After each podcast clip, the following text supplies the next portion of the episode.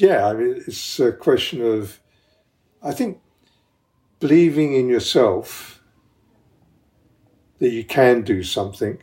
Um, and not being afraid to ask questions uh, when things are not going so well.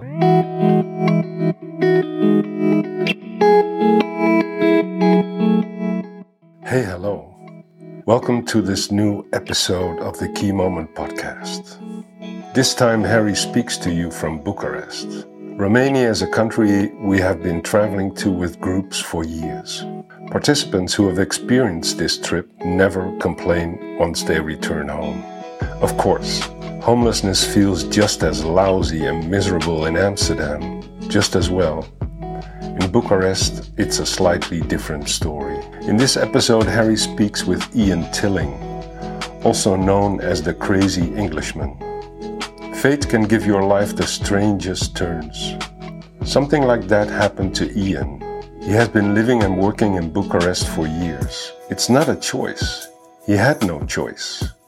Casa Ioana is a special place, a residential facility where people can return back to themselves, back to the person they were before they became homeless, with endless and valuable lived experience. I could say all kinds of things about this episode, I won't. Harry and Ian speak for themselves. The content of this episode is all that we believe in, everything that people whose lives have gone downhill need. Ian is a modern time hero in a different world. Ian Tilling and the dark and hopeful side of Romania. We wish you wisdom, respect, and enjoyment also as you listen to this new episode of the Key Moment podcast. On YouTube you the, you have a, a, really nickname. It's it's about the crazy Englishman. Yeah? That's correct. Yes. But before uh, we started here, we are here with the learning experience trips. We're another group. We have uh, visited you many times, mm-hmm. and always it's, it's, a pleasure because you are a really storyteller, a keynote speaker actually. Um, and uh, but the people outside in the in the Netherlands, all over the world. Some people don't know what Casa Ioana is. Where are we here, Ian? Okay, so Casa Ioana is the name of an association, NGO, uh, in Romania, Bucharest, uh, which provides temporary accommodation, and a lot of comprehensive psychosocial support yes. to women and children experiencing domestic abuse and family homelessness. Okay. And if people come here to the door, what, what do they see? So they would be greeted uh, by one of the social workers uh, who would then sit down with them. And uh, if they've got issues that they want to talk about, then we'll talk about that. Yeah. And then uh, try and guide them from that. So um, not everyone that comes here we can help. We're normally full all the time. There's a big demand for our services. Uh, but if we can't help a particular individual, uh, then uh, we would then try and find another organisation that can help them.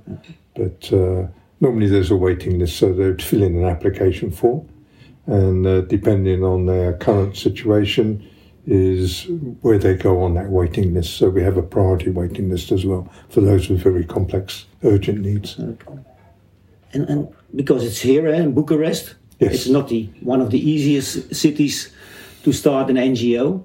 No, even in the country. So I mean, it's uh, bearing in mind I started Casa Ioana in 1995, but I've been working um, in Romania since 1990. Okay. And if you going back to that moment what what what was that for time that you think oh wow 1990 you have to be a little bit crazy to start an ngo in bucharest after the revolution? Yeah, yeah it, it, was crazy times because uh, bucharest is nothing like it is now. It was a very dark and dim city. Um, no shops as such. Um, you had to queue for everything. For just daily food you had to queue up all the time, long queues as well. Um, but no, it's the authorities were still very uh, authoritarian. Uh, it was very difficult to move anything or get decisions made or anything like that. Um, but originally, I came over with uh, an English NGO which I had set up to help Romania. We worked in um, a children's home hospital, as they were called, uh, which was an institution, I say, caring with within quotes uh, for profoundly handicapped children. It was Okay. an awful place. And that's when I decided really that what was needed was a long term project. But uh, just before we opened uh, Casa Ioana or made it uh, a Casa Ioana organization, um, the uh, I've experienced personal difficulties, and so did the uh, British charity back in the UK. Uh, we couldn't get enough funding to keep the thing going. I lost my eldest son uh, in a car accident. Um, my marriage was uh, kind of falling apart as well, so uh, it was quite difficult times. And the project I had started off in Bucharest at that time was in a former uh, apartment block, small apartment block. Um, so we were trying to get work there completed so we could open there. So with the English end um, ending, uh, everything ended here as well. So I came off the rails quite a bit. So uh, yeah, I spent about six months in this ghetto, uh, feeling very sorry for myself, drinking too much cheap wine, and finding it difficult to get out of bed in the mornings. Um, but some friends, uh, British friends, uh, asked me to meet them in Bucharest at a very nice hotel one evening, which I went to. And effectively, they handed me an aeroplane ticket back to the UK the following morning um, and advised me to go back home because I was finished here. And uh, so that was, uh, I cried all the way back, walking back to the, the, uh, to the, the, the ghetto. Once I was there, I went to bed, woke up in the morning and thought, right, this is it, I've got to do something about it here. So I went through some aid boxes, found a suit, found a pair of shoes which were rather nice, and decked myself out and started knocking on company doors asking for money. And it worked. People started giving me money. And then that was it. I never looked back. What, what, what did you mean by ghetto? Well, the project was in the ghetto. So, Yeah. I mean, I was living there in the area with 300 Roma families. Uh, it was a police no go area, and the authorities wouldn't go anywhere near it. Um, so, yeah, I mean, but I, hence I got the nickname the Crazy Englishman, as you kind of found out. Um, but yeah, but I, you know, I say, you know, even now it, it amazes me because I never saw it as an oddity. I mean, I didn't think this was particularly strange, this English guy living in the middle of a Roma community. Um, but I went drinking with them in the bars, I went to their festivals and whatever. So I was totally accepted. I mean, it was just, uh, I, I can't even say bizarre because it was quite normal for me. Okay. Was, was that actually the key moment in your life or not? Yeah, one of them. I mean, um, I, I've had lots of key moments, but nothing as dramatic uh, as that one. Um, and nothing that's really, I mean, that was back in 92, beginning of 92. It was, in fact, it was a Christmas of 91. Um, so nothing has changed my life so profoundly or in such a long lasting way. No, I mean, it's, that, that was it, really. Yeah. And you say that some other key moments? What's in your mind? Yeah, the birth of my children and my grandchildren. I mean, uh, they were really key moments. Leaving the police was a big key moment. Um, having had such a secure job for so long, Yeah. um, and then I, I, the last thing I wanted to do was anything in connection with security. I wanted to leave the profession completely behind and start something new. I Had no idea what it was I wanted to do. Absolutely no idea at all, and that worried me. Um, but then when I came to Romania, that was it. I suddenly realised that this is the place that was crying out for some long term help. Yeah. Although initially, when I came over, it was for a two year project. Um, but obviously, that's uh, that's old history now. Yes.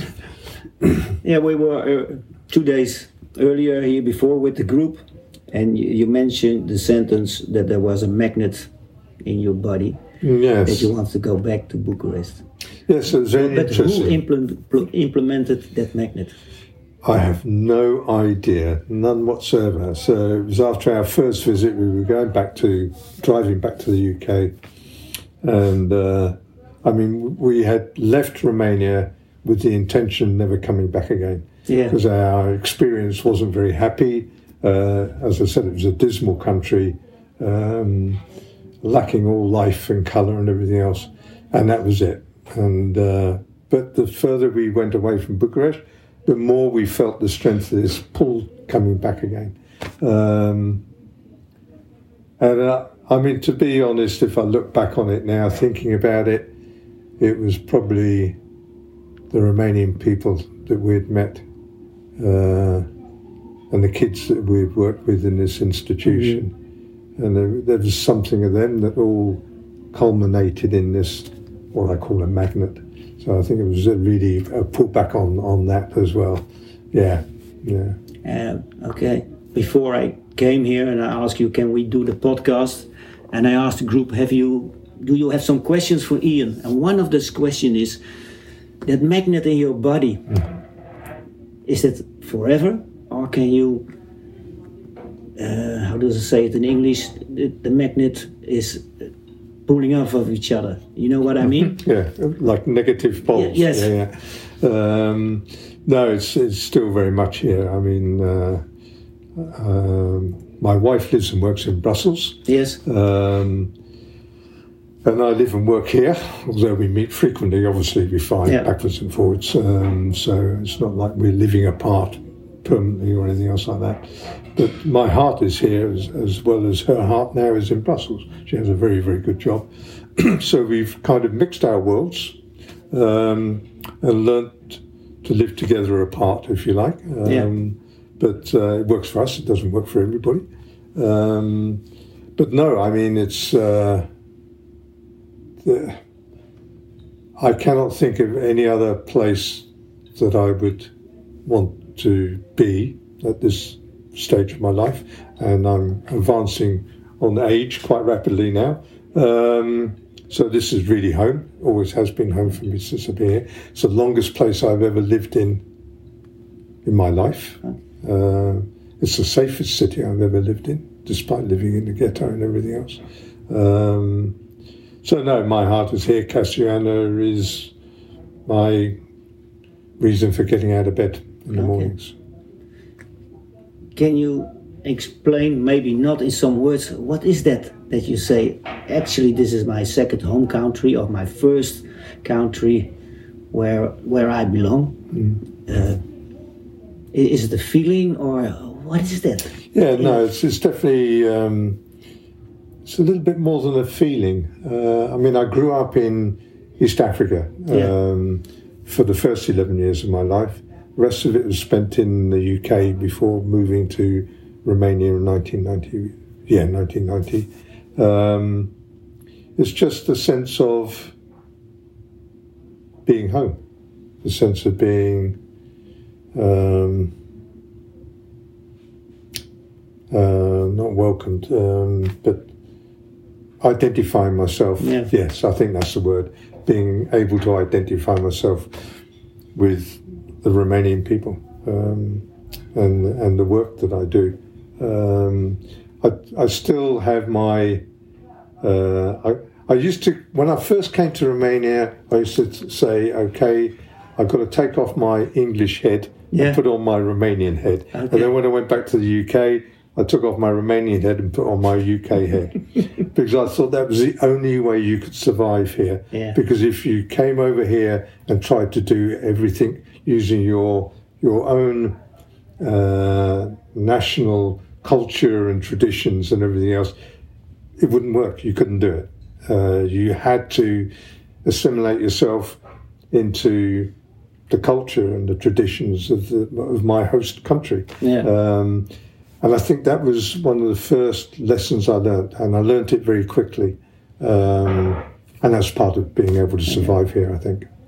I, I, I can a little bit uh, imagine this because I'm here from 2005. I did a project with Sami Shishal mm-hmm. till 2008, and it was the project stops, but I really make friends over here. Mm.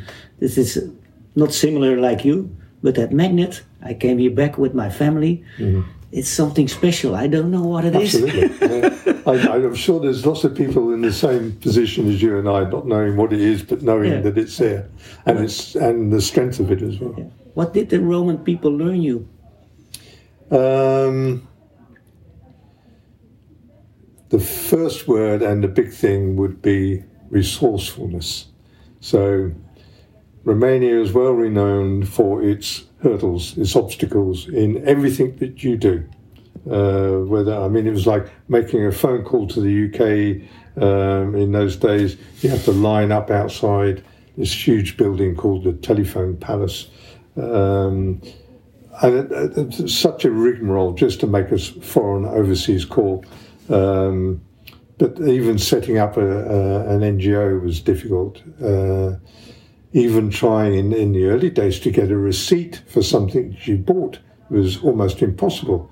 And bearing in mind that uh, I was sending these things back home to the UK so to um, to cover everything as far as uh, the charity commissioners and everything else were concerned over here, and I'm having to say, look, I'm sorry, they don't do receipts over here. It's like we didn't have a, a stamp over here. You can't survive without a stamp. So I just went back to the UK, bought one of these rubber John Bull stamps, put in the information I wanted, and stuck everything with this stamp. Yeah. And everything was fine. It was no problem. I mean, Yeah. it was uh, the authorities accepted. When I first came into the country, um, with the van full of all this medical and uh, other equipment, and at the border they said we couldn't come in unless we had an inventory and a, and a stamp. Uh, okay, so I wrote out an inventory, and I'm thinking, what the hell do I do with a stamp? I mean, I got, and I remembered. I used to, as a kid, uh, do etching with a, a pencil and whatever on um, over something, and the, the it's like an embossment. Yeah. And so I got a 10p coin out of my po- pocket, I rubbed my biro over it very neatly, and there it was. There was my stamp, and I gave it to the guy in customs, who must have been really impressed with this stamp with the Queen's head on it, because we just went straight the way through. I mean, there was no problems at all. Okay. VIP treatment. On the background, I hear the families and the Yes. children's, and they are cooking by themselves. And that's what I like it because it's it's, it's alive over here. What did you learn from those families? Oh, um, to see problems in a really, really different way, in the sense of, um, And we talk about homeless. yeah, yeah, that's right. Uh, I mean, I have some of the guys living here have got horrendous uh, issues and problems, really complex. Um, but we worked through them all, and uh, sooner or later, I've seen problems There's no more. I know the, the operative word would be opportunities. Uh, that's stretching it a little bit too far, I think, on some occasions. But an obstacle is something that, if you can't surmount it, then you have to find a way around it. Uh, but at least you know there's a way out of this, that it's not a permanent thing that's going to remain. If, if it can't be done, it can't be done. Okay, let's move around and let's try and do it in a different way. Um, and that's definitely a lesson I've learned from these guys. I mean, uh, they've had some very, very uh, difficult uh, starts in life. Um, many of them have come from dysfunctional families themselves. Um, so yeah, I mean, there- there's lots of hurdles and lots of barriers. Uh, so our job is to get through those barriers, lift those barriers up so that they can go through. Okay. Those families and those children, what are they bringing? Those people, those lovely people, to your life. Ah, wow. Um, uh, a sense of doing something good, uh, an affection, a genuine affection. Uh, in Romania, society is very formal. Even the language is very formal. There's one set of uh, language for people you know very well, and another set of language for people that you don't know so well, a very formal side of the language. Um,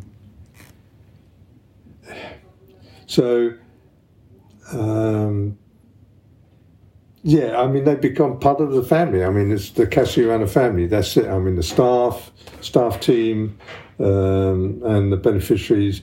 There is nothing that there is no hierarchy here. We all have the same um, status, if you like.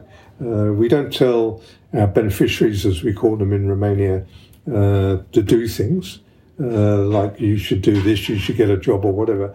We sit down with them, talk with them through their issues and their whatever, um, and then gradually get around to getting them to think a little bit more, or having a little bit of more hope and seeing more opportunity, and then resolving the issues themselves because I understand what the issues are. Sometimes when you're absolutely swamped with problems, it's very, very difficult to see a way through. Um, if you break those little problems, or if you break that big problem into little problems, it's much more easy to, to maneuver and get around. Um, so yeah, I mean that works. That works so well. We're talking formality again. So in Casa Ioana I'm known as Yanni. So the kids call me Yanni, but the parents call me Domnul Yanni, Mister Yanni. Okay. If I hear you understood you right, and I hear it very clear that between the lines you say actually there is uh, there is no for an answer. What I mean actually that you you mentioned it before, and an answer is just an obstacle, and you have to go around it. Absolutely. Yeah. There was one question of the group. He said, "Imagine that you have an easy problem and you can solve it on an easy way." And they were thinking about it, and they uh, asked, "Do you need always difficult problems?" Uh, no, but that's the ones I tend to get. I mean, if somebody came up to me with an easy problem, I think I would pass it over to somebody else. yes. Yeah. Okay. I mean, I've got white hair now, but I'm, Yeah. I'm only 46. And uh, another question from the group was, besides this, uh, because I hear many things. I hear about the police, about that you was born in Africa, in Kenya, uh, because we uh, is uh, from uh, Ali Groepen. Yeah. Ali Groepen is a researcher in, at the high school in Utrecht, and she's a really big fan of you. Oh, Yeah, right. yes. Wonderful. And, uh, she asked uh, the, the, the simple question, but I, I, I love that question. Uh, what, what is your dream? Ooh, uh, my dream. Um, my dream is being fulfilled. Um, so I, yeah, I mean, I, I'm 72. Yeah. Uh, still working full time uh, in Casa Ioana. Have no no desire to stop working. Uh, in fact, I probably work harder now than I ever did before. Yeah. Um, and it, I, I think the vitality is coming from what I'm doing. I mean, it's um, it's like I thrive on it. It's uh, it's yeah, it's for me. It's yeah, it's living the dream. I mean, it really is living the dream. I, I can't think of anything. I mean, yeah, I'd love to go and, and to the Seychelles and whatever, but I don't think I'd be there too long before I'd be itching to come back again. Okay. Uh, so, no, I mean, yeah, the dream is here. The dream is here. Mm. Okay. And if you think about the dream is here, what is the most beautiful thing you ever reached until now that you say, oh wow, if I'm looking back, I feel my heart beating like a, and bouncing. We had um, we had a in, when we, in the earlier days uh, we had a uh, the first night shelter, and there was a guy called Petre, who was uh, a lawyer, and uh, had a nervous breakdown, ended up being on the streets and living on the streets, and came in to, to live with Casa Ioana. Um, but he was a very learned gentleman and used to write to the president all the time, almost weekly, um, what he thought of the president and why the country was going downhill and whatever mm-hmm. and whatever. Um, and it just so happened that at that time, um, I had to go to Cotroceni Palace, where the president lives, to receive uh, quite a big honour. I was uh, being made a commander of an order of faithful service in uh, uh in Romania uh, for for developing professional so, social work here in the country, and I was asked to I could take five five guests. Uh, Christina was in India at that time with her job. Um, so I decided to take my Romanian parents, um, and I had two social workers, two social workers, sorry, seven guests, two social workers. Who else was I going to take? And I thought, I know, I'll take my oldest male beneficiary and my oldest female beneficiary. They've been part of the journey. So we're all going to go off to this reception and everything else in Cotroceni Palace. And uh, when I put it to these these two beneficiaries, I said to Petre, look, I'm only going to take you if you promise not to criticize the president or say anything against him at all during this this uh, visit. And he said, No, I promise, I promise. For you, I promise. So it went beautifully well. Um, it turned a few heads to see two homeless people arriving with our, with our uh, group. Um, but uh, but he'd been with us for quite a few years. And afterwards, I, I took everyone for a meal. So we went off to this restaurant, had dinner. And uh, Petre was quite quiet. And I said, You're very quiet, Petre. What's going on? And he said, um, I've just been thinking, you know. He said, since I've been in Casa Ioana, he said, I've met the Prince of Wales, now the King of England, uh, Andrew Forking, the Vice President of the World Bank, uh, Abbot Pierre from France.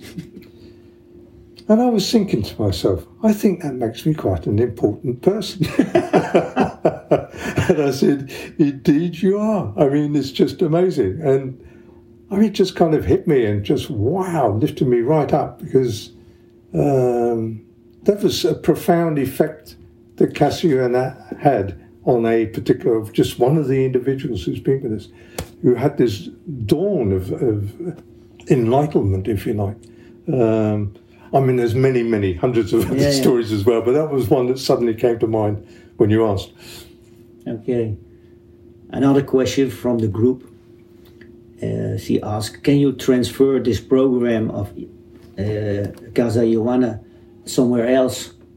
What do you think? yes, definitely. I mean, um, I've written an organisational manual of some almost 100 pages, setting out all our policy, our working instruments, um, what we do, what our what is our uh, method, our strategy uh, uh, to reach out and to to uh, help people confronted with these uh, issues. Um, so, yeah, I mean, I wrote it with the mind of franchising Casa Ioana. Um, we're a small organisation, and it works very well. I think because it is such a small organisation, I've my staff have been with me for years and years. Um, it frightens me a little bit thinking of it as a uh, a bigger organisation uh, because it frightens me that it de- then develops a more corporate sort of um, uh, identity, uh, where our identity is uh, is it's very intimate. We're very uh, close with with everybody here. We all work together closely. Um, is, is, that the secret? I think it is for here, yeah. Because the program yeah. are plastic words. Yeah, yeah. But is that the secret under it? Yeah, I, I think that's very true. So, um, and I think that only comes from learning. So, I, I often say that our journey as an organisation has been hand in hand with the people that we work with, because when they started becoming more confident, we became more confident as an organisation. Okay. Um, as they learned things, we learned things. So it's developed over many, many years. So uh, it's it's it's not an automatic response, but we, we know where people are coming from. We know what's available. We know the limit of our uh, support that we can give. So we've built up a whole network of pro bono professionals uh, who we can call in at any time and who come in and, and, and serve serve the people we work with. So that works very well. Um, we, we have gained a lot of respect now from the authorities. Uh, at one time, we used to get checks all the time, and they were obviously hanging around waiting for um, a few few euros or dollars, as it was back in those days, to sign a form to say everything was okay. But we refused to do it, and have right from the beginning. Now we're not bothered anymore. So uh, yeah, I mean, it's a question of, I think, believing in yourself that you can do something.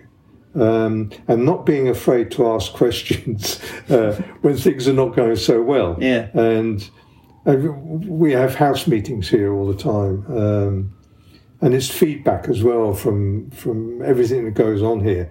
So we we're very again as a small organisation we can adapt very quickly, so we can change something very quickly, particularly with policy. I don't have to have a board meeting. I just turn up at a board meeting and say, "Hey guys, this is what we've done because of whatever, whatever." I didn't need that big authority to, to rubber stamp something I've done. Um, so yeah, I mean it works. Okay.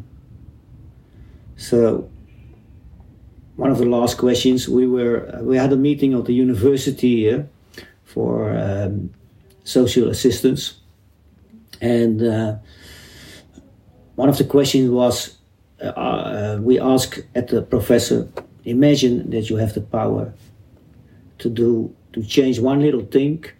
It's like if you put a, throw a stone in the water and you see the rippling and um, I'm very curious about your answer. And then I give the answer the professor said. What? What? Imagine that you have the power. Yeah. Um, it would be to the, the, the, a small number of big issues, but it is preventing what could really be ground changing here in Romania. There is very little, if any, data on the situation of homelessness. Um, if we had the data and could identify what the issues were, then what we could do is put in a strategy, um, a homeless strategy. Uh, the first of which would be how to stop, how to prevent homelessness in the first place. Um, they've relied too much on shelters, uh, but shelter is just simply that it's a shelter. Um, well, we started off as a shelter, but I very quickly realised that a lot more needed to be done if somebody was going to stop using shelter services and stop coming back again. Uh, and that was to actually find out what the issues were that they were facing personally and resolving them. Um, so I would like to see shelters phased out and more and more um, initiatives like Casa Ioana put in its place because economically it makes sense as well. So instead of being a draw on public purse, um, they are becoming economically active themselves. They can pay their taxes and everything else. But what I mean, at the end of the day, their quality of life, they have a quality of life. Uh, there is no quality of life uh, when you are uh, confronted with homelessness. I mean, I've met thousands of, of homeless people in my time, and not one of them has ever said to me, I've adopted this way of life. But many, many have said, there is no hope for me. I see no opportunity, and I've adapted to this way of life. And there's a big difference there between uh, adopting and adapting. And I think that's where we have to change the kill a little bit and just say, hey, come on, if we're going to be serious about this, and we should be. We should be very serious about the amount of homeless people on the streets. Um, we should be doing something about it, and unfortunately, it's not happening. Okay. Do you know what the answer was of the professor? And he was very hopeful because he said in transition it goes slowly. Mhm. But he was saying if you actually want to change it, I said he said sorry for my answer. Mhm. Earthquake. Yeah, yeah. No, I mean it's. Um, And he was re- he was really hopeful. huh? yeah, The- the- yeah, sure. Yeah. I mean, there is that amount of frustration, Yeah. as you can imagine. I mean, Yeah.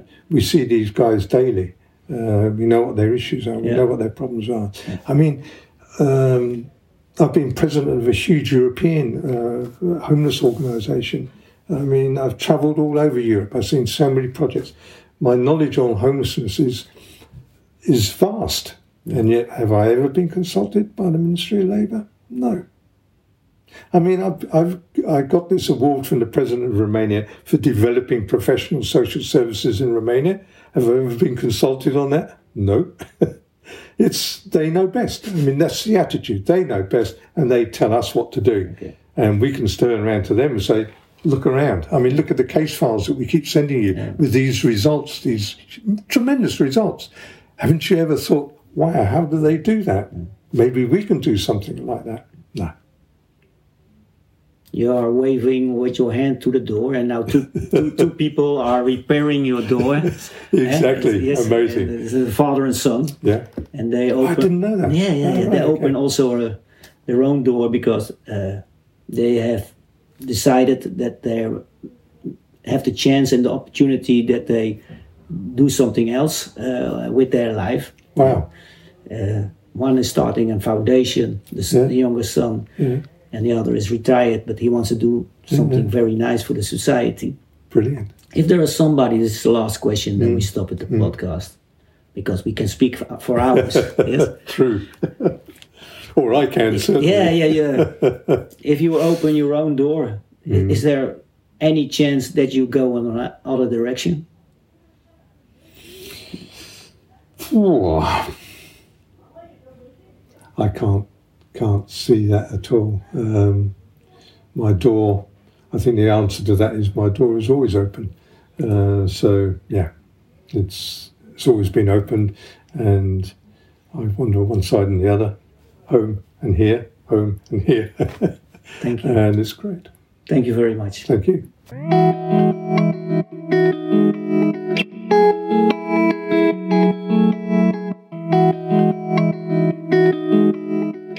Thanks for listening to this episode of the Key Moment podcast.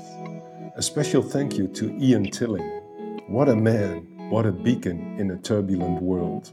We hope you will share this podcast with your friends, your family, and your colleagues. It's important. Homelessness is widespread and it does not discriminate. It can happen to everybody. The Key Moment podcast can be listened to on Spotify, Apple Podcasts, Springcast, and Podimo. You can find Harry and Rokas on LinkedIn, Instagram, and Facebook. You can find Ian Tilling on YouTube. Watch this special video on why he moved to Romania and the wonderful work he is practicing in this beautiful city. Personally, I love Bucharest at Christmas. I don't know another city that has that many Christmas lights in the world. Is it a contrast watching the lights and the homeless people out on the streets? Yes, it sure is. But knowing that Samu Sushal, Casa Ioana, and Ian Tilling watch over them is comforting. There is always hope. Louis Puchart Muller, a singer songwriter from Denmark living in Amsterdam, is joining this group from the Netherlands. As a bonus and a present for Ian, we give you this wonderful song. So don't shy away from this recording, keep listening. Thanks again and hope to meet you again at the Key Moment podcast.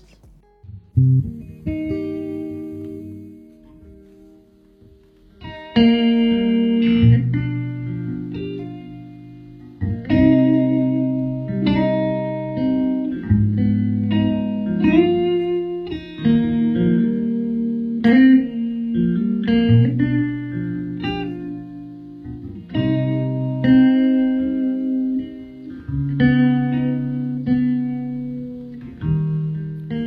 There she is, all golden and craving for your thirst. But like all women, there's no turning once you had your first. So cheers to you and your only one. So cheers to you the only one who slay.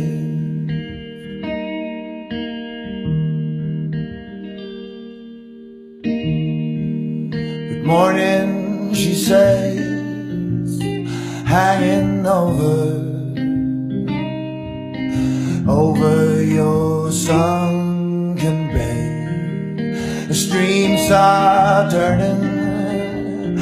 turning sober.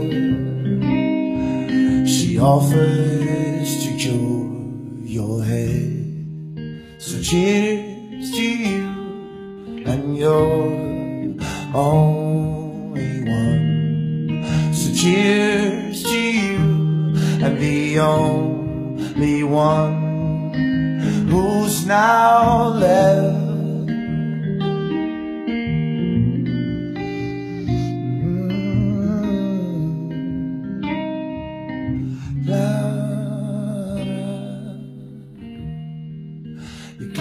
Past been stolen.